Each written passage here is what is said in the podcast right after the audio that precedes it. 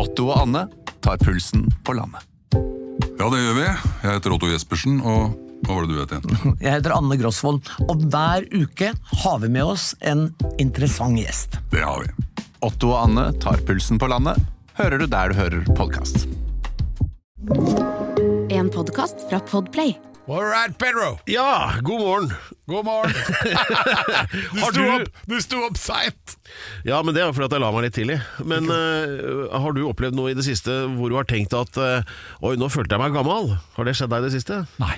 Har det ikke det? Jeg, jeg har det, skjønner du, en sånn helt konkret ting, og det eh, tok jeg som et faresignal. Altså, det var helt tilfeldig. Jeg satt med datamaskin, ikke sant? Tok du selfie? Nei, det er du driver med det.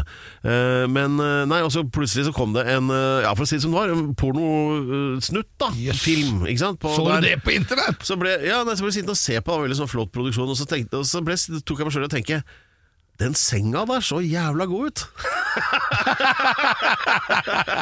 Hva kan jeg gjøre, doktor? Kjøpe en ny seng. Ja, jeg tror nok det blir det. Alex Rosén reiser til Mars.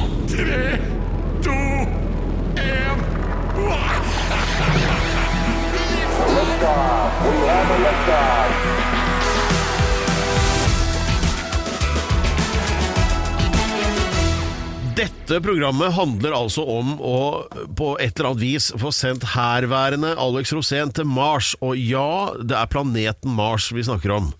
Dette mener han er gjennomførbart.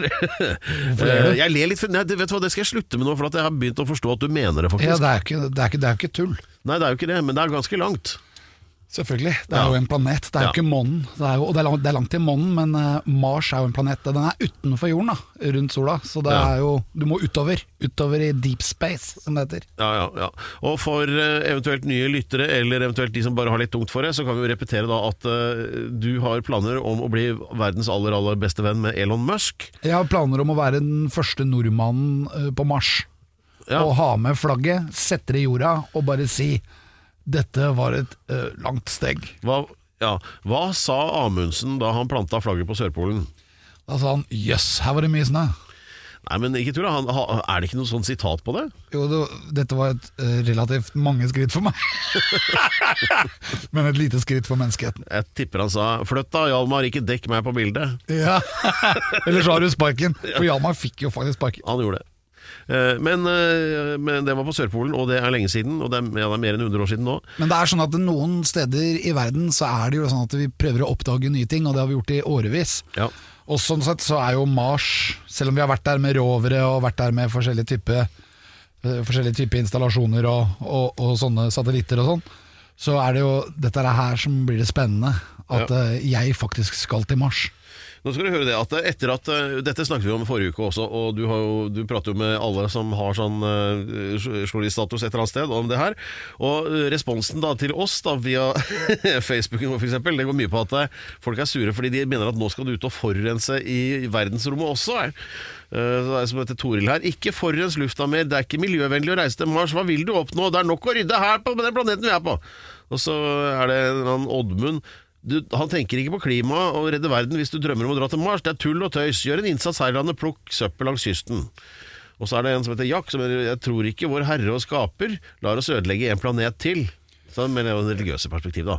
Så øh, Uh, How do you plead guilty or not guilty? Her var det mye negative vibber, syns jeg. men det var plukka ut, det var plukka ut bare akkurat de, da. Men så Ja. det var det med forurensning. Ja, men jeg har ikke den negative innstillingen, som jeg er veldig spent på fremtiden. Da. Ja, men hvordan veldig- er det karbonregnskapet, egentlig? Men hvis hører du du- hva jeg sier? Jeg er veldig spent på fremtiden. Jeg er veldig positiv til fremtiden. Jeg mener at vi skal løse masse av disse problemene. Og jeg ser ikke, jeg ser ikke problemene. Jeg, ser, jeg er opptatt av eh, inkludering, samhold og bærekraft. Og bærekraft, det er, det er alfa og omega. Ja, det, det, det, er, det er sånne politikersvar. Det jeg lurer på, han der Elon, da. Han er jo sånn der Kumbaya-Bjarne som Han vil jo ikke forurense, han vil han det? Eller bryr seg ikke så mye om det, kanskje? Ja, men alt kan ikke bare dreie seg om problemer. Når du er spent på fremtiden, så er, vi, da da er du positiv. Ja. Og da må man lage løsninger. Og for å, å, å finne opp alle de innovasjonene, altså oppfinnelsene vi trenger for å redde jorden, så er Mars et bra mål. Ja. Og det er jo ikke alltid karbonregnskap er det viktigste. Andre, noen ganger er det andre ting som teller mer. Det er det Jo, du sier. jo, det teller, det må, som jeg sa, bærekraft, inkludering og samhold. Og der gjelder det å få vindkraft f.eks., eller spesielt solkraft, da, som jeg brenner aller mest for, men også batterier. Vi må bli bra på å lage batterier. Vi skal ikke skade jorda mer, vi skal redde jorda. Og da må vi finne løsninger. Og da må vi være positive, og så må vi være skikkelig innstilt på fremtida. Og jeg er positiv til fremtida! Ja. Ja, nei, det er sant det. Altså, nei, det med karbonregnskap det, det, altså, Hvis man bare skulle tenkt på det, da kunne, jo- kunne man jo gjort det sånn at det, da gjør vi det sånn da, at pedofile skal få lov til å bo ved siden av barnehager og skoler bare for å carbon footprint skal ned, så de ikke må kjøre så langt. Ja, det var du som sa det, Ja. ikke meg. Ja, det, ja, men bare sånn for å Det er mulig at det var litt satt på spissen. Vi går til noe annet. Hva skjer på Mars i dag? Ja, det er et godt spørsmål, det. Hva skjer på Mars akkurat i dag? Akkurat i dag så lages det en del eh, stenprøver, altså en del lager av stenprøver. Hva sier, Er det noen der? Ja, det, eh, den, altså det er en rover som heter Perseverance, som er der, som betyr utholdenhet. Og en Rover, altså, en, en, en maskin. En maskin, ja, som Ja, ok. jobber der oppe, som vaser rundt og holder på med forskjellige typer steinprøver. Og den har funnet en sten hvor den har boret ut eh, et par-tre prøver, som nå er lagt i, i sånne reagensrør, som er ganske heftige, da, for de tåler ganske mye trykk. Og så er de lukket igjen på hver side, og oppi der så er det da uh, ste, hele stenprøver, uh, som da kan uh, kanskje være fulle av fossiler.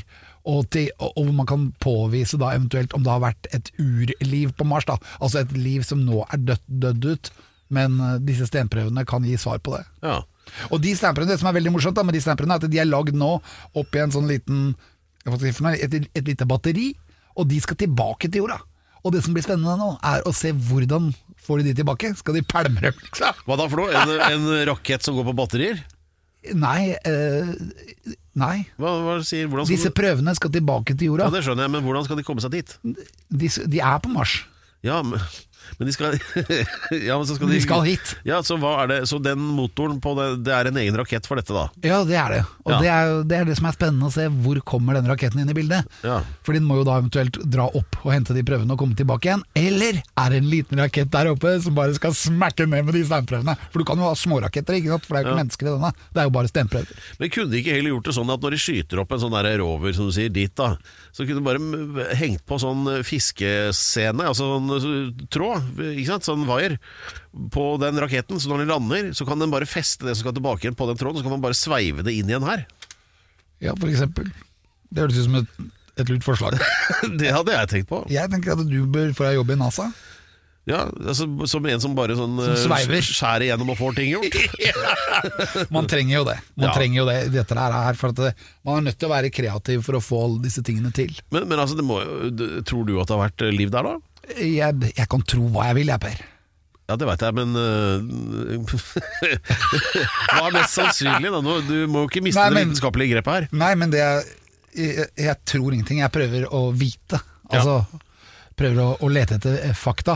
Det jeg vet er bare at de stemprøvene skal tilbake igjen. Og så er det en ting til, eh, og dette er vel et par uker siden, så det er jo ikke hva som skjer i mars i dag. Nå ligger disse stemprøvene klare og skal bli skutt ut. Så kanskje på vårt neste program om en uke, så er disse på vei til jorda. Og da skal vi vite om det.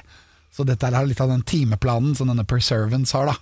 Og den er, Det betyr utholdenhet, da. Og det, det er jo helt utrolig at det er det navnet den egentlig har, for den har jo klart å komme seg dit. Den har klart å levere fantastiske bilder, og den har, har landet ned med en egen sånn maskin som bare roet den ned, sånn at den ikke skulle knuse når den landet i planeten. Sant? Og så hadde den med seg en drone, et helikopter. Okay. Så de har kjørt helikopter på Mars! Ja. Og der uh, mye spennende bilder. Ja, for det er veldig lite luft på Mars. Altså, det er jo en tredjedel av den luften vi har her. Ja. Så det er jo mye, mye mindre, og det er ikke så mye oksygen. Så en, et helikopter trenger jo luft. Vi vet jo det fra Vi har jo kjørt helikopter, vi. Og Ja, man trenger jo luft for å, å i det hele tatt fly. Gjerne litt mer luft under enn det vi hadde på den turen, i hvert fall. Ja. Hvis du tenker på den i Thailand. Nei. Å, fy fader. ja jeg tenkte egentlig på den i, i Karibia, men Ja. Nei, la oss ikke rippe opp i det. Da ble jeg jeg meg litt svett Du ble i, i, i nakkefolden her. Eh, Ja, for det har du faktisk. Du har fått deg en ny nakkefold. Ja, det er jo akkurat- det er meg og kamelene, vet du. Samme prinsippet. Ja. Du blir ikke, ikke tørst, i hvert fall. Jo. Ja da, ja da, da. Fra steiner på Mars til eh, steining på jorda. Det er, uh, har vært storfint besøk her. Eh, Det kom en delegasjon uh, fra Taliban, faktisk, som kanskje var her for å kaste litt glans over bursdagen til uh, Ingrid Alexandra, men også diskutere litt muligheter for fred i Afghanistan, da. Eh, nå ser du bekymret ut, det- og jeg kjenner at jeg er også. For det er sånn, man kan ikke snakke om dette her med fare for å få represalier. Men ikke- hva tenker du da? Folk er jo forbanna som bare det. Nå føler jeg at du må holde grisepraten for deg selv. Ja, det det var det jeg kjente, jeg òg. Nei, det, ja, det er jo et veldig vanskelig spørsmål. Ja. Uh, fordi Taliban har jo vært i krig lenge, og de har jo drept til og med norske folk. Ja. Så det er jo vanskelig. Men igjen, da, så er det dette her med verdiene i livet. Og en av mine viktigste verdier er jo dette her her med inkludering. Ja. Og det, er jo, det blir jo ikke orden hvis vi ikke er på nett. Og kunnskap er makt, og det er viktig at de også får mer kunnskap. Og det gjelder alle plan. Og da vil de få mer forståelse også, og lære seg å å, å, forstå hverandre, da. Ja. Og da tror jeg også at det er viktig at, at man prater sammen. Men jeg, jeg ser jo all den kritikken som har kommet mot dette her, og jeg føler at den er berettiget, og det er jo mye grusomheter. Men eh, skal vi ha orden på dette her, så er vi nødt til å prate. Det er, Men, ja. Prat er det beste. Hvordan ble du og jeg venner, Per? Det er for at vi prater sammen. Ja, ja, Og ja. Husker du første gang du kontakta meg? Så kom du til meg og bare ah, 'Alex!' Ah! og så, så syntes jeg du var så søt, og da ble vi venner. Ja, ja eh, så, men litt annen eh, tak- en enn Taliban, eh, heldigvis. Men, eh, men det jeg tenker på, da, det er hvis du ser bilder De ser så sure ut. Har du sett det, eller? Ja, men Det er jo menn, ikke sant? og dette er menn fra den tida menn var menn. Ja, men altså, Ikke engang Torbjørn Jagland klarer å se så sur ut. Nei, men han er jo ikke sur.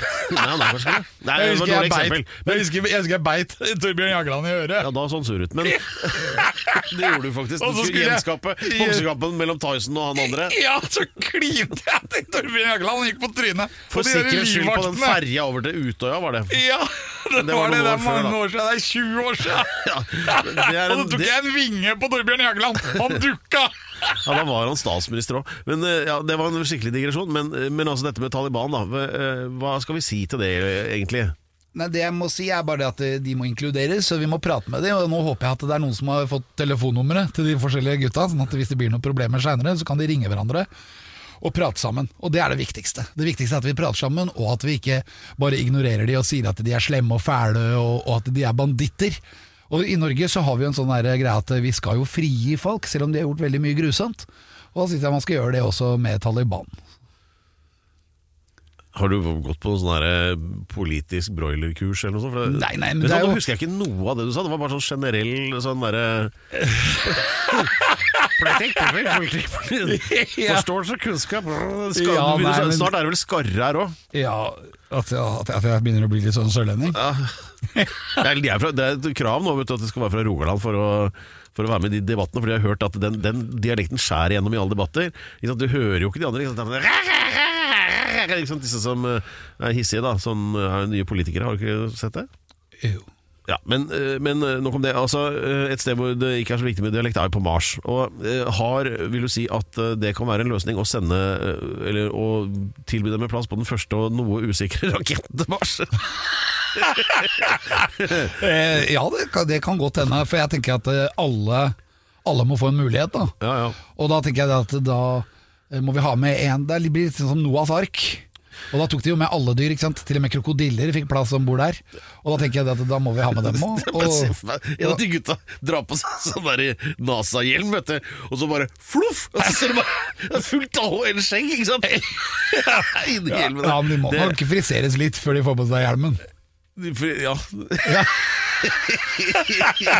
For dessuten altså, Når du begynner å gå unna i den raketten, så kan du plutselig få alt det skjegget i øya. Ja, Ikke ikke sant? sant? ja, jeg tenkte det. ja. Hjelmen er helt full. Nei, men De må nok friseres, men de kan nok beholde litt av skjegget. Ja, For de må jo ha skjegg for å ha sin stolthet. Jeg også har jo det, selv om jeg er nybarbert akkurat nå. ja, ja. Jeg, Eh, jo, jeg føler meg alltid stolt når jeg har litt skjegg. Men har det, hvordan har interessen for verdensrommet vært fra Midtøsten? Det var jo ikke rykter om at Tunis hadde sendt opp eh, Nei, det gjorde ikke det. Nei, men det er, det det er veldig mange som har sendt opp eh, raketter. Indonesia sendte jo opp et par raketter her, noen kommunikasjonssatellitter. Sånn at det er jo Det er viktig å ha med alle på laget. Ja, Og er det kommunikasjon, og dette her, her tenker jo Elon på, altså Elon Musk, ja. Og han holder jo på med dette her Starlink-systemet sitt, Ja. og det blir jo en slags åpning for alle. Altså, ah, når du reiser gjennom hele Afrika, så er det jo masse steder som ikke har internett. Ja. Mens derimot noen har det på sånne veldig dyre hoteller, mens folk i gata har ikke internett på samme måte. Og sånn er det også gjennom hele Asia, til og med i Russland. Og i Kina så er jo veldig mye sensurert. Og i Afghanistan så er det jo veldig mange daler hvor folk tenker at alle som er fra andre steder enn den dalen her, de må skytes, for de er jo onde. Og, men når de får informasjon Ja. via Starlink, for at i de fattigste hjørnene av verden så skal dette bli gratis, og når de da får informasjon, Ja. så er det kunnskap! Ja, informasjon og kommunikasjon her altså, for, for å si sånn, Hvis Anne Frank hadde hatt Twitter, så hadde jo verden sett annerledes ut. Ikke sant? Ja, og antageligvis også hvis Hitler hadde hatt det. Ja, Det er ikke sikkert han hadde skjønt noe av det, men øh, hun hadde sikkert det. Um, ellers for øvrig det med Russland og internett, husker du jo Eller det hadde vært et par uker eller noe ute i skauen i Romania, så kom vi endelig til et sånt brukbart hotell og skulle sende, prøvde å skulle sende noen mailer og sånt. Og så, så prøvde, ja, så prøvde vi å få han fyren på hotellet til å skjønne hva vi var ute etter, så skjønte han at vi prøvde å komme oss på nett, da. Og da var det sånn aha! Og så replikken hans var Internett. Internett. hadde ikke. Jeg det ikke. Ukens Tettsted. Her i Norge så tar vi jo tettstedene som en selvfølge. De er jo bare her. Men eh, på Mars er det jo ikke sånn. Det er, det er helt fullstendig utett. Og eh, når Alex da skal opp der, så eh, er det jo viktig å ta med gode rotnorske tettstedverdier. Vi, vi må ha følelsen av å komme hjem. Ja, Så du vil lage et sted, eller flere steder da kanskje. Og Norge tettsteder. er på en måte tettstedenes høyborg, for det er så mange rare tettsteder rundt omkring. Ja. Og de er så fine. Ja. Og i sin hvileløse søken etter eh, hvordan dette tettstedet på Mars skal være, eh, så kårer vi da ukentlig Ukas tettsted, eh, hvor Alex da med bravur og patos legger fram Og det her engasjerer folk tydeligvis, fordi Ja, og, og kan, kanskje har et forslag til hvilket tettsted vi kan uh, gjenskape på Mars. Ja, ikke sant? Så det kan da bli New Connerud eller et eller annet sånt. Ja, eller- ja. ja. Men eh, så eh, folk engasjerer seg i dette, for, for, for alle er glad i tettstedene sine. Og eksempel Jan Rune som på Instagram skriver at han foreslår 39-65 herre. Altså som i mann, fin mann, herre. Eh, nede ved Bamble eller ved kysten der nede. Han skriver at det er en fantastisk plass med utrolig variert og fargerik befolkning, og han er ganske sikker på at flere av dem faktisk er fra Mars. Ja. Så, så det jo, det trekker jo opp, Jørgen? det trekker veldig opp. Ja. Kjenner du til stedet? Ja, det ligger vis-à-vis Porsgrunn. Det ligger ganske tett inntil Porsgrunn. Altså, det er tett på flere vis. Ja, det er litt sånn som Lillestrøm. Nå er jo Lillestrøm by, da, men Ja. det, når du er fra Oslo, så er det litt sånn tettsted, det også. Ja, ja, Så riktig. Herre er jo rett på andre sida for Friefjorden, da. Ja, Inni der. ja. Du, Eh, Jeg har vært det faktisk ikke så langt unna og hatt konsert en gang, på Green Garden Gathering. Selv om jeg har følelsen at det er litt mer oppover mot Nordsjø som ligger oppi der. jaha. Ja, fantastisk. Spilte da på en gård langt inni der, og så husker jeg at det, i publikum så sto Casino Still. Og det var fett! Det var fett. Ja, som 99% av gangene så har jo jeg vært publikum, og han har stått på scenen. Herregud. Men her sto jeg bare og rocka Det er Norges største legende. Mannen som egenhendig, eller Nevi, eh, slo ned Freddie Mercury på bakrommet på Marquee Club på, i London på 70-tallet. Ja. Fordi eh, Freddie Mercury ville ha bandnavnet The Queen, som da var steingroven sitt på det tidspunktet. Ja. Fikk, han fikk det navnet, og han fikk en på trynet òg. Og så fikk Ja, ja. han en sånn der skjørbuk i tillegg. Ja, det er fort gjort der nede. Ja, det var fordi han bare drakk sprit og ikke det spiste mat i et år. Riktig sånn 1800-tallssjukdom. Han prøvde Han hang rundt med Lemmy Killmeister. var, han prøvde hans diett, og det var jo det, det, det, var, det, det krever jo sitt. Han er den eneste jeg veit om som har hatt skjørbuk. Ja. Ellers er det siste som hadde var sjømann fra 1800-tallet. Men ålreit. Men, ja, men Herre er et bra forslag. Vi bør jo ta en tur ned dit, Per, og titte litt på det. Det er jo masse Ja. fine tettsteder der rundt omkring. Ja, eksempel Brevik. veldig flott. Ja, nå er det litt Det er to bruer, de nå. Ja, og så har du Langesund Ja. og Valle. ja, Langesund, der har jo Bob Dylan vært. Ikke sant? Så det er jo også noe som teller oppover. Mm. Valle, er det han derre Ja, det er Viggo Valle fra Valle i Valle. Den der Ja, han- uker nord, er det Han der? er nok født der. Ja. Uh, right, men du har jo da, eller det vil si din jury, da, uh, har jo kommet frem til eh, sannsynligvis et helt annet sted som er ukas tetteste. Ja, fordi når de tettstedene i Norge skal vurderes, så er det masse ting som er, er veldig viktig å huske på. Og jeg, jeg må flytte meg mye lenger nordover. Og vi må opp til tettstedenes høyborg i Norge, det nemlig Trø- det- Trøndelag. Det er Trøndelag, ja. du har blitt litt sånn trønderstruck i det siste. Ja, der har du jo så mange koselige tettsteder, ikke sant. Du har Overhalla og Ja. Inderøya og Underhalla. Ja. og jeg må si Høylandet, for eksempel. Ja, Det ja. står jo veldig høyt hos meg for jeg er i slekt med alle på Høylandet. Du er det? Ja. Der er har du det samme forholdet til Høylandet som jeg har til Ør Ørje. Ja, bort på ved svenskegrensa der, Ja, der er det 35 gårder, og jeg er i slekt med 33 av dem! Ja, Kanskje du egentlig er odelsgutt? Ja, jeg er det. Ja. Så jeg, jeg fikk til og med en melding på nettet her hvor det sto Det var Buer gård utafor Ørje. Ja. Så sto det bare 'Alex, du er alltid velkommen'. Til, til Bue gård. Og det jo, de har jo egen sånn portal ved inngangen, så jeg skal inn der. Og så skal jeg spille en sånn fanfare, og så skal jeg gå inn der Og så skal jeg føle sånn 1700- og 1600-tallet. For det var der min familie var derfra. Ja. Men nei, Ja. ukens tettsted er et tettsted som er helt eksepsjonelt. Ja. Det har nordvendt kyst. Noe som fører til, og det er det ikke mye av i Norge, du må liksom helt i Nord-Norge for å få det. Ja, ja, og, der er det ikke, liksom.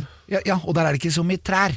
Der er det mer forblåst. Men i Trøndelag så fins det inne i Trønderfjorden, altså Trondheimsfjorden, Ja, er- så fins det et nordvendt sted. Og når jeg kom innover der, jeg, jeg var der i sommer, og jeg ble bare så vi, skal vi imponert. til en øy nå? Nei, vi skal til et tettsted som ligger på en nordvendt kyst på Ja. fastlandet. Ja. Uh, og eh, det er masse trær der, masse skog, og så er det enormt mye dyr. Jeg tror jeg så 50 hjort på et jorde. Jeg så elg, og så så jeg en revefamilie. En revemor med fire-fem unger som vasa rundt ut på veien, liksom. Og det var ikke noen andre biler der, det var bare meg! Og så plutselig så kom jeg inn til dette legendariske tettstedet. Det kan minne om en blindvei, for det er i enden av en blindvei. Ok, det er en ferje rett bortafor, så noen skal jo til den, men det er ikke, det er ikke mange. Er det- Den ferja er ingen som veit om. Er det, er det på veien fra Trondheim og opp til flyplassen? Nei, Er det lenger? motsatt vei. Oh, det er Så du må til Orkanger, og så må du nordover fra Orkanger. Og så kommer du til ukens tettsted. Mine damer og herrer, ukens tettsted er Lensvika. Å, dæven. Lensvika, du. Lensvika, Den satt- gratulerer. Ja, det Vi er sender i av Orkdal, gårde. det. Ja. Og gjett hvem som er født i Orkdal. Er det deg? Ja. Nei! Jo da. Det står Gratulerer! passet Orkdal sjukehus. Og jeg er født på Aker sykehus. Jo, nei, men Lensvika, la oss holde oss til det. Uh, ok, Hva er det med Lensvika som er så fabelaktig? Vet du at det var rev å få tak i der, eller hva du sa for noe? De har uh, egen motorsykkelklubb. ja. De har en egen dame som sitter på brygga og strikker gensere. Så kan du kjøpe genser. og så har de noe av det feteste som fins, Ja. nemlig jordbær. Det Jaha. er jordbærbygda, for den er nordvendt. Og det er veldig få steder i Norge som er nordvendt. Nesten ingen steder. Er det- Lensvika er nordvendt, og det er derfor det er så intenst der. Men, er det, men blir jordbærene bedre av at det er nordvendt? Ja, Litt mindre sol, men akkurat nok til at de blir røde. Aha. Så blir de, og så tar det litt lengre tid før de blir modne, og så kommer de på sensommeren. Ja. Men de smaker best. Ok, så mer Lensvika. trøkk, trøkker i, altså. Vi reiser oss i hele Norges land, går i rett, og så hilser vi til Lensvika. Ja. Da, da, da, da, da. Ligger godt an til årets, den der, altså, føler jeg. Dette er jo et, eh, en podkast som er basert på empiri og hypotetisk deduktiv metode, og derved så bare fnyser vi av omtrentligheter og Ja, men da må du bare fakta. Men Pedro, du må forklare hva hypotetisk deduktiv metode er, da. Ja, Har du en ettermiddag eller to? Nei, du, du Nei, altså, Har du lest Sherlock Holmes? Ja, det, det er jo hypotese og hypotese. Ja, det vil si altså at For å teste om en hypotese er sann, altså du har en hypotese, en teori om noe For å teste om den er sann, så må du da undersøke den vitenskapelig. Det vil si du må øh, undersøke om premissene er til stede for at hypotesen skal være sann. Riktig. Så for eksempel hvis du sier at øh, et premiss er, som du vet er riktig, det er at hvis det regner, blir gatene våte. Og så har du et premiss til. Det regner. Da kan du konkludere med at gatene er våte. Men på den annen side så kan du si at hvis premiss to er at gatene er våte, så kan du ikke konkludere med at det regner, for det kan være andre grunner. Jeg opplevde jeg var i Det er en ørkenen. måte å undersøke om det holder vann, da, rett og slett. ja, jeg skjønner. Men Ja. Pedro, jeg var, det regna i en ørken. Jeg var i Phoenix, Ja. og så regna det. Men gatene ble ikke våte, for vannet fordampa før det hadde landa på bakken. Ja. Så jeg lå og skulle ta imot regnet, men det kom aldri! Og det regna som bare det! Det var helt utrolig, så da kunne du ikke konkludert med det, da. Nei, da må vi gi beskjed til Skjær og kom som det. Men eh, nok om alt, da. Så eh, hvor var vi igjen? Egentlig mista helt Nå er det litt det. 100 grunner Ja, til ja, ja, ja. Hvorfor, hvorfor jeg skal til Mars. La meg si det litt sånn, sånn overskriftsmessig.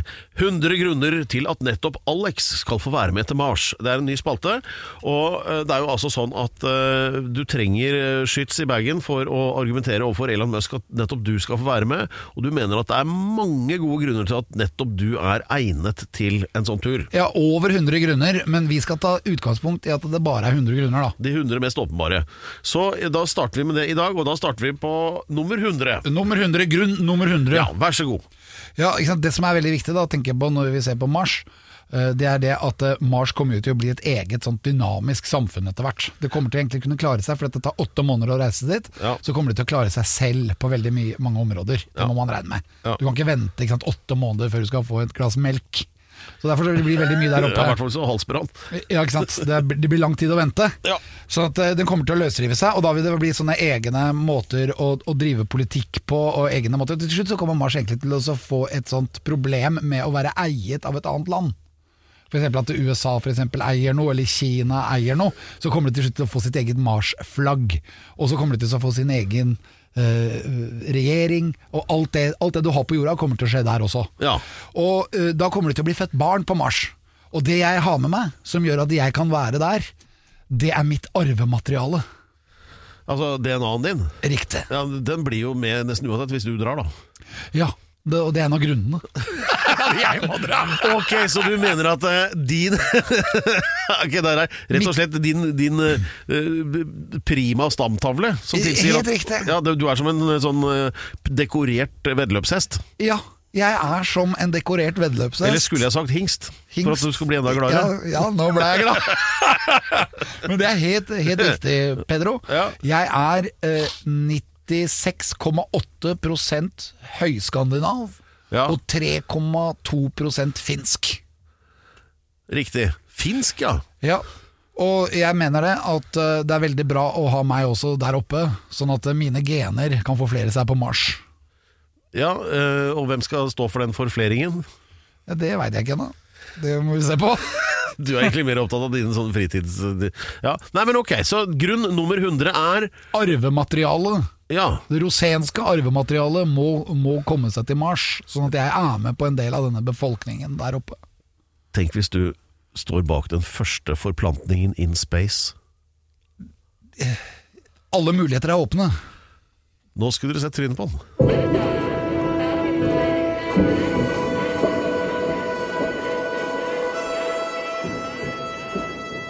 Ja, Alex, universet det er en uendelighet av Stjerner og galakser. Nei. Planeter, hallo! Å ja, planeter, ja. ja, ja, ja, Ja, kom tilbake neste uke, så prøver vi på nytt. Så prøver vi på nytt.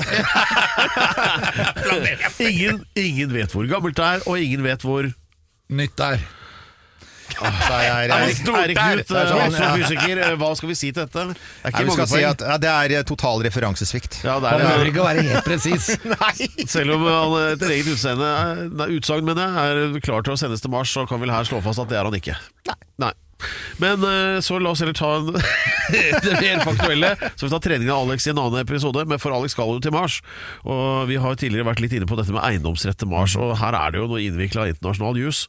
Og du har til og med vært på konferanser som har prøvd å avklare hvordan det der egentlig er. Hvordan ligger vi an? Hvem er det sin planet? Nei, altså Akkurat nå så er det jo ingen som eier Mars, men, men det veldig mange tror er jo at det blir umulig hvis du bygger et, et selvforsynt selv, eh, samfunn på Mars, da, og det vil ta tid. fordi altså, Du skal jo gjøre alt. Husk på alle de tingene vi har på jorda som du foreløpig ikke fins på Mars. Så det vil ta lang tid, men på et eller annet tidspunkt så er det jo mange som tror at hvis du får en, en, et stort samfunn på Mars som klarer seg selv, så vil de oppleve at det altså, Vi sier at det er langt fra, liksom sånn, fra Tromsø til Oslo. Vel, hallo. Hvis, liksom, hvis myndighetene sitter 150 millioner kilometer unna og åtte måneders reisetid, så kan jeg si at ja. Da, da blir det selvstendighet. Og da, så Man har allerede begynt å planlegge for hvordan vil det se ut, hva slags system skal man ha. Eh, skal det være demokratisk f.eks., eller skal det da være sånn God Emperor of Mars, som Elon Musk spøker med? Men det er jo noe i det, da. For i, USA så har du det som heter Company Towns. Det er sånne småbyer hvor, hvor et privat selskap eier alt, og hvor du jobber for selskapet. Og De bygger bygningene, og de betaler lønna di, og du kjøper maten din i selskapets eh, butikk. Det er jo det Mars antagelig kommer til å være i starten. For at SpaceX kommer til å levere alt. Du kommer til å i praksis å være der på SpaceX sin krone og havne i SpaceX sine butikker. Så du, må, ha- så du har kanskje det i starten, så må du få en overgang til kanskje et mer normalt samfunn. Men, men jeg tror det de fleste sier, er jo at antagelig så vil det på en måte dukke opp av seg sjæl. Ja. Altså, og, det er jo, altså, og, og spørsmålet er eh, altså, vil, vil du, Hvis du starter fra scratch med et helt nytt samfunn, vil du da spontant få demokrati, eller vil du f.eks. få et monarki? Det var jo det de fleste samfunn var før. ikke sant? Ja, Det var sånn det var i Jerusalem under korstogene. Ikke sant? Det er det, altså Mesteparten av historien har, altså Hvis du ser på menneskenes historie, så er mesteparten har en form for sånn hierarki med sånn en eller annen leder, og gjerne en høvding. Altså, er det det vi får? Altså, Historien kan- forteller oss jo at det er den sterkestes rett, er det ikke det? Altså De som Ja. legger inn mest ressurser, vinner. Og, og husk på at på Mars så kan du bokstavelig talt der kan du kontrollere lufta folk puster. ikke sant? Du har Ja. total kontroll over alt. Mye mer enn på jorda. Du har ingen steder du kan rømme på Mars. Så, så det er ikke sånn at du sier ja, vet du hva, dette vil jeg ikke, jeg drar et annet sted og starter for meg sjøl. Det kan du ikke. For da trenger du de ressursene som, som trengs for å bygge en ny base, og det er det veldig få som har. Ja, og jeg tenkte på en, en ting du, du nevnte nylig, og det var dette med at nå begynner kineserne å melde seg på. Og da begynner jeg å kjenne litt sånn eh, Ja. kulda ned bak i nakkehårene. Fordi altså, det, det er jo sånn at eh, For å sammenligne litt, da, at eh, på 70-tallet så var det jo ikke én bil privat, i privat eie i, i Kina. De hadde fire meter grusvei rundt Beijing, og det var vel det. Og på den tiden, siden da bare, så har de altså bygget nok altså i arealet med asfalt i form av motorveier til å dekke hele de britiske øyer, altså Skottland, Irland, alt sammen. 20 ganger hele arealet. Så, altså, det går så fort. Og vi driver fremdeles og lurer på om vi skal klare to spor ned til Østfoldbanen. Ja, ja. uh, sånn at eh, de er så mye kjappere. Så blir, her er- stikker vel de av med den pokalen. altså, de har jo for så vidt bevist, da, om om man kan si det sånn, men de har jo bevist at det er ikke bare den modellen vi For vi har hatt én modell for hvordan vi skal lage et samfunn med velstand og vekst og, og teknologi. Kineserne har jo helt klart en litt annen modell for hvordan de skal gjøre det, Ja. og den er også ganske effektiv. Det kommer man jo ikke forbi.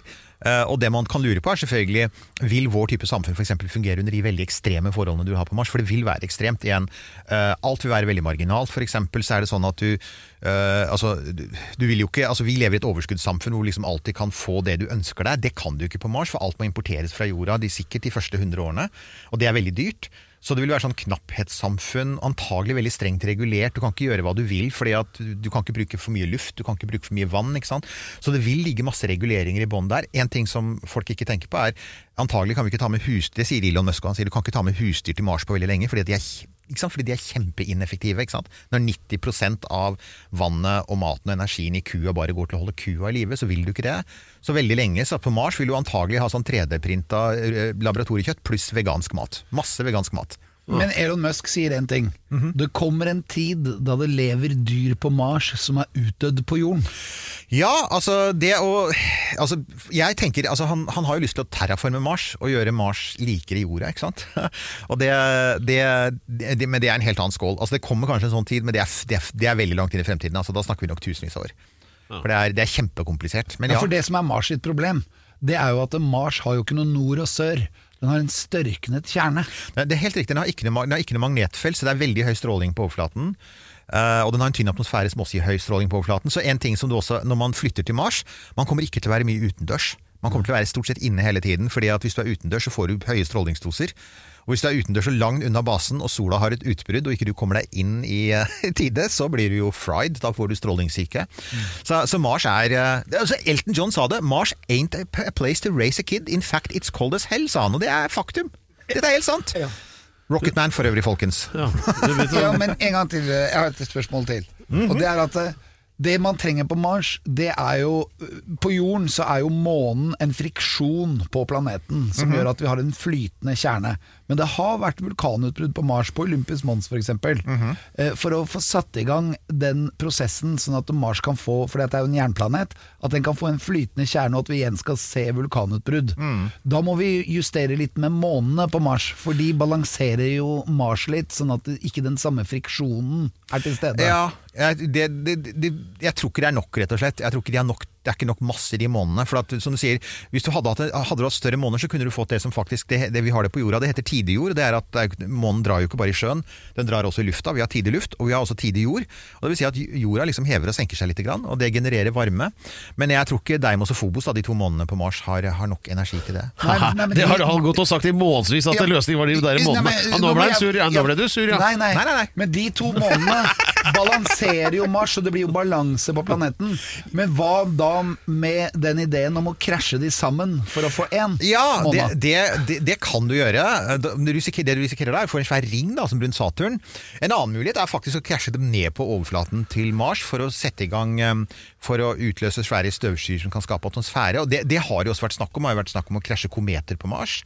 Eh, Elon Musks favoritt for øyeblikket er vel dette med å atombombe polene på Mars for å, for å slippe løs masse vanndamp. Nuke Mars. Kjempeidé. Så dette her, ja nemlig, så men, men, eh, men altså, alle de planene ligger jo i så fall alle sånne, dette, er, dette er det som heter sånn terraforming-planer, hvor du liksom forandrer hele planeten. Og det er sånn som er Det er så bra. Det er så Det er kjempekult, og samtidig kan jeg si at det er, det er liksom sånn Det er superavansert, altså. Det er jo langt over noe vi kan gjøre nå. Og ikke minst det tar innmari lang tid. Og det er jo ganske mange. Vi hadde jo i vår podkast Romkapsel så hadde vi Petter Bøckmann, vet du. Og Petter er jo veldig opptatt, han er jo biolog og kan masse om økosystemer. Han sier hovedproblemet er jo, hvis du klarer å terraforme Mars, det er jo at du skal liksom kickstarte et helt økosystem, og vi aner ikke hva som skjer da. Og Det er ikke sikkert vi får det til engang, for det er jo ikke så mange økosystemer som har starta der ute. Så det skal vi også gjøre. Vi skal liksom sette i gang. Ja, det er jo spennende. Det er spennende! Ja! Å, det er så deilig. Det, og det her kommer altså tipset fra Erik Knut til deg som går på videregående nå, og som skal planlegge ti år frem i tid når du skal på gjenforeningsfesten med klassen din, så kan de andre si at ja, nei, jeg har gått på BI og blitt sånn politisk korrekthetskonsulent det er for små og mellomstore bedrifter, så kan du si jeg driver med terraforming. Åh, herlig med Erik Knut. Jeg lurer på hvordan tror du det kan ha seg at han veit så mye? Han er vel opptatt av eh, dette med astronomi, Ja, Følge med, kanskje? og så er han veldig nerdete. ja, hva, hva vil det si? Det vil si å være veldig opptatt av ting og gå veldig i dybden av det. Og ofte de som var flinkiser på skolen, det var de mest nerdete. Ja, Eh, Jeg var jo ikke helt der, men jeg blei det etter hvert. Blei du det? Jeg blei flinkere og flinkere og leste mer og mer. Og, og så ble jeg mer og mer opptatt av sånne ting som bare jeg er opptatt av, som for eksempel Mars. Ja, ja, ja. Uh, flotte greier. Uh, nå skal vi over til noe helt annet. Og det er jo sånn at hele denne skuta her, den flyter av at du har et lønnlig håp og en klar plan om å bli med til Mars med en av ekspedisjonene, aller helst den første, til Elon Musk uh, opp der. Og for å få det der til å funke, så må vi få tak i Elon Musk, ikke sant? Ja, vi må prate med han, og, vi jeg har så mange spørsmål. Ja, ja. Og så må vi få han til å skjønne at det har noe for seg å ta med deg, og det er derfor vi hadde, hadde en lista litt tidligere her om 100 grunner til at akkurat du osv. Men eh, husker du det forrige uke, eller forrige episode, så snakket vi om dette med å kanskje lage en jingle om eh, å få litt hjelp, da, fordi nordmenn er jo så behjelpelige. Eh, om noen da kan liksom gi beskjed hvis de kan bidra, og da drodla vi litt rundt tekst og sånn. Ja, For det er ikke mange du skal kjenne før det er noen som kjenner noen. Nei, men det som har skjedd er at produsentene våre her De har hørt på det vi prata om, og så har de laget den basert på det vi snakket om. Ja, Og basert litt på hvordan Elon Musk forholder seg til media. Ja, Så dette er da en sånn reklamespott om hvordan vi skal få tak Vil du høre den? Ja, det er veldig større. Kan Ja, jeg få høre jeg, har den ikke, jeg har heller ikke hørt den. Ok, kan vi få høre den?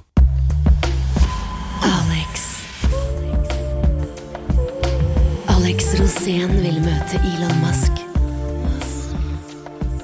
Kjenner du Elon? Si ifra at Alex er på vei. Han kommer til Texas om en måned eller noe. Kanskje senere. Ta kontakt med Alex på Instagram. Alex Rosén reiser til Mars. Alex Rosén reiser til Mars. Det der var uh, hakket mer eh, erotisk enn jeg hadde sett for meg, egentlig. Men det var vel akkurat sånn du drev og prata med.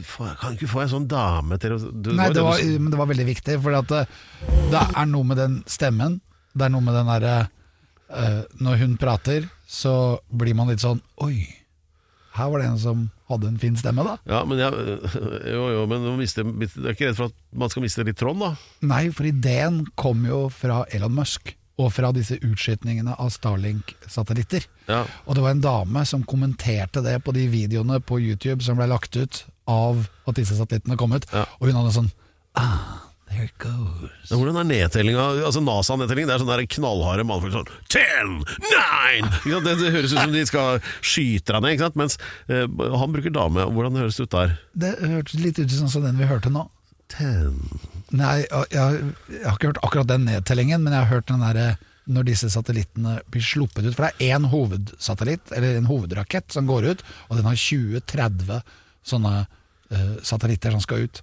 Og så slipper den ut én av gangen. Bare sånn én, to. Og, så si, og så kommenterer hun at det går bra da med disse satellittene, og at de satellittene kommer seg ut og får liksom bretta seg ut. Og så sier hun sånn Oh, there it goes. Ja, nå bryter han for nå begynner Alex å få litt mye sevje i stokken her. Så da eh, skal vi ta og bare slå fast at det vi er ute etter, er å få tak i Elon Musk. Så hvis noen har noe å bidra med der, så gi beskjed, da. Og her vanker det både premier og lovord. Skal vi høre den en gang til, eller? Ja, vi hører den Ja, vi en gang til. Ja, folkens. Hør nå. Alex. Alex Rosén vil møte Elon Musk. One more time, one more time, baby. Kjenner du Elon? Si ifra at Alex er på vei. Yeah, Han kommer til Texas om en måned eller noe. Kanskje senere. I'm coming. I'm coming. Ta kontakt med Alex på Instagram. Alex Rosén reiser til Mars. Alex Rosén reiser til Mars.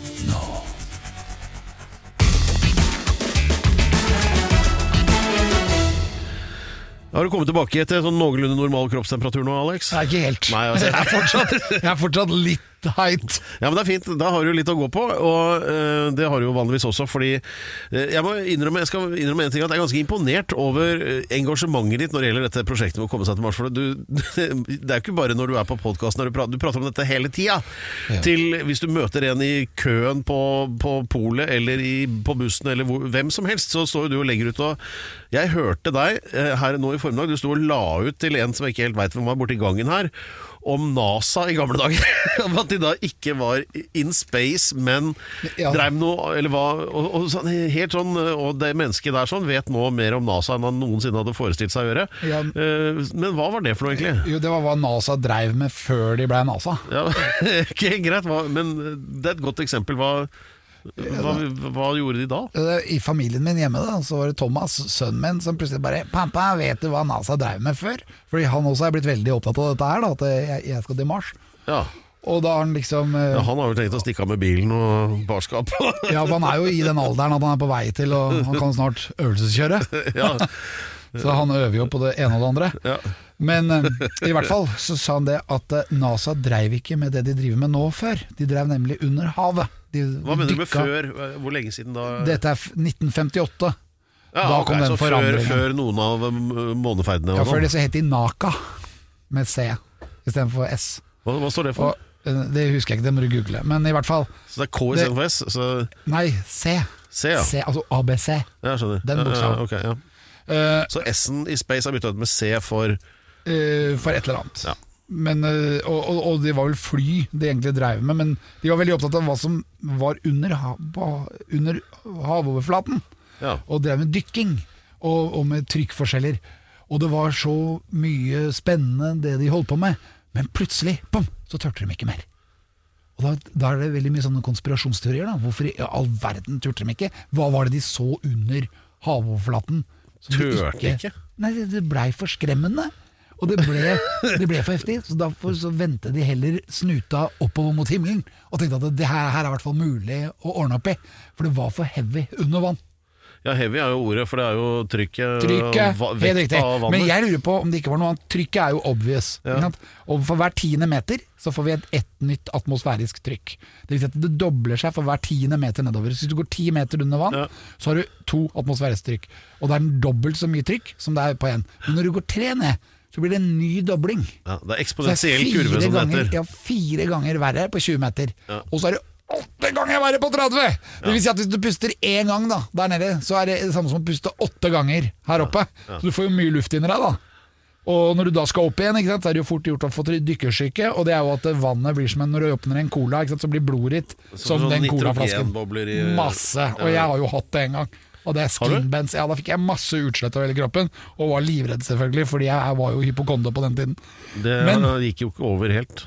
Nei, det er litt sånn småhypokonder ennå. Ja. Jeg kjenner jo det. Men eh, jeg lurer på om det var noe annet enn trykket. For trykket er jo én ting, at NASA måtte endre seg. Ja, Når du sier det, så begynner jeg å tenke sånn der, Var de redd for sjøuhyrer? Det tror jeg. Sånn Sjøuhyrer. megahai? Eller sånn Moby Dick. Ja, ok. Moby Dick den var jo en veldig grusom hai. Ja. Eller Godzilla. var en, Moby Dick var vel eh, Moby Dick var det navnet på Det var jo en hval, for det første. Og Ja, det så var det han derre Captain Rehab, eller hva han het. for noe, Som, eh, Captain Ahab. eh, Ahab, ja. Det var jo helt sikkert det. Og, men det var, Captain Rehab. Det er et bra navn på jeg deg den seilbåten. Ja, men jeg tror ikke det var ille nok. Eh, Pedro, Ja. våkne opp. Ja. Jeg tror ikke det var ille nok. Jeg tror eh, den du snakker om, den haien, den svære haien. Megalodon. Megalodon. Eh, Heftig hai, det kan ha vært den. Ja. Den er jo, var jo like svær som en ubåt. Ja. Og kunne jo spise opp en, eh, en ku i en svelg. Så den, den var jo svær. Eh, Men det kan også ha vært Godzilla. Det er ikke det en eller sånn apelignende Nei, Hva- er ja, Den slåss jo med King Kong kanskje i en eller annen film, men Godzilla er et japansk monster som kommer opp fra havet. Stemmer det? Alle japanske barn er ekte redd for Godzilla. Ja, det er det de er mest redde for. Ja. Sånn at eh, Jeg vet ikke helt hva det var. Eh, Det er jo en sånn ting man kan spørre lytterne om, om de har noen eh, begreper om hvorfor NASA ikke turte å fortsette med undervanns. Hva var det der nede i dypet som NASA fant? Et eller annet. Det var en vulkan forresten som sprengte bort to øyer i en smell. Jo, men det, altså En vulkan er mer håndfast på et vis enn eh, sånne uhyrer, da. Ja.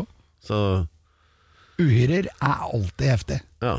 Jeg har hatt noen møter med en del uhyrer, og jeg må si de eneste gangene jeg har, har egentlig vannlatet uten å ha kontroll over det, har vært ved uhyremøter. ja. Men seinere har du blitt venn med dem på Facebook.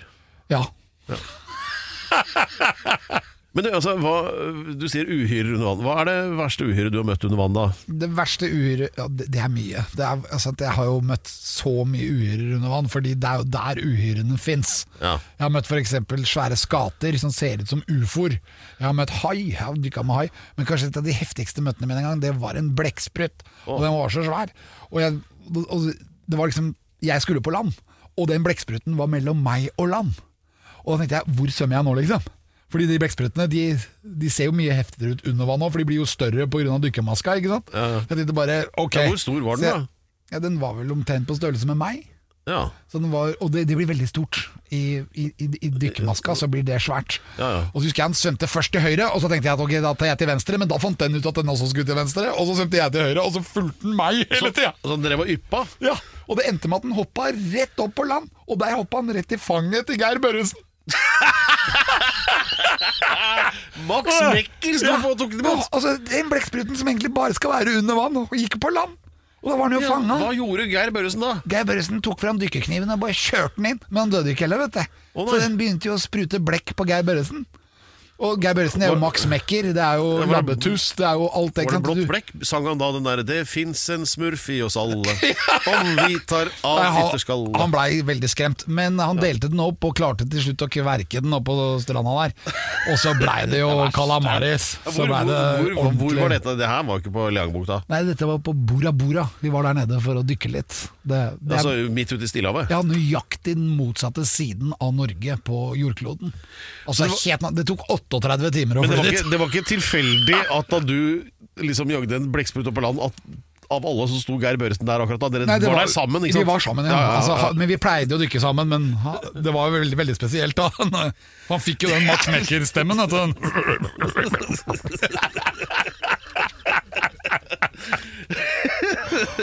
Var helt ute. Fy fader.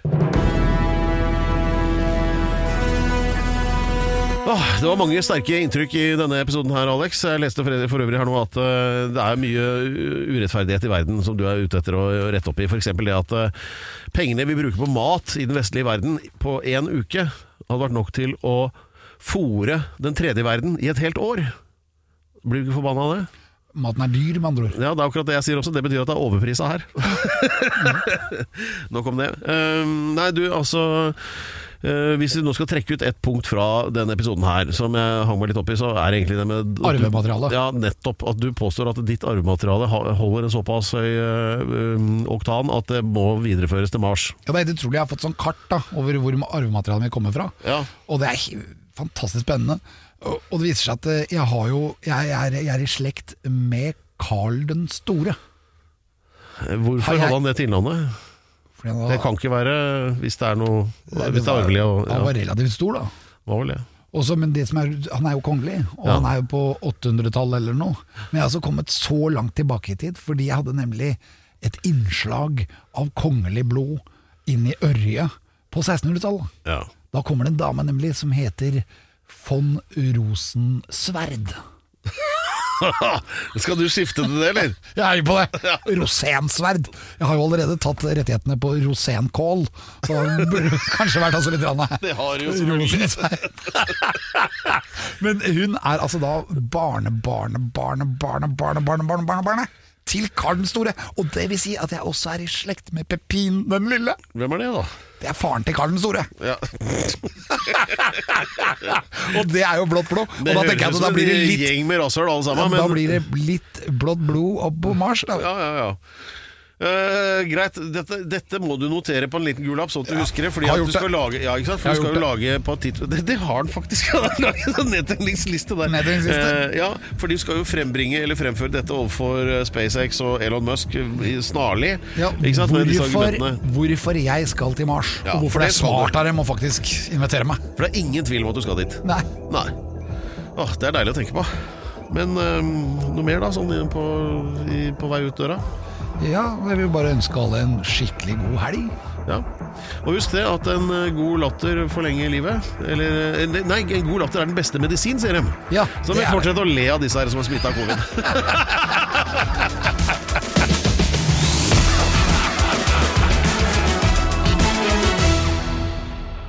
Du har hørt en podcast fra Podplay. En enklere måte å høre podcast på. Last ned appen Podplay, eller se podplay.no.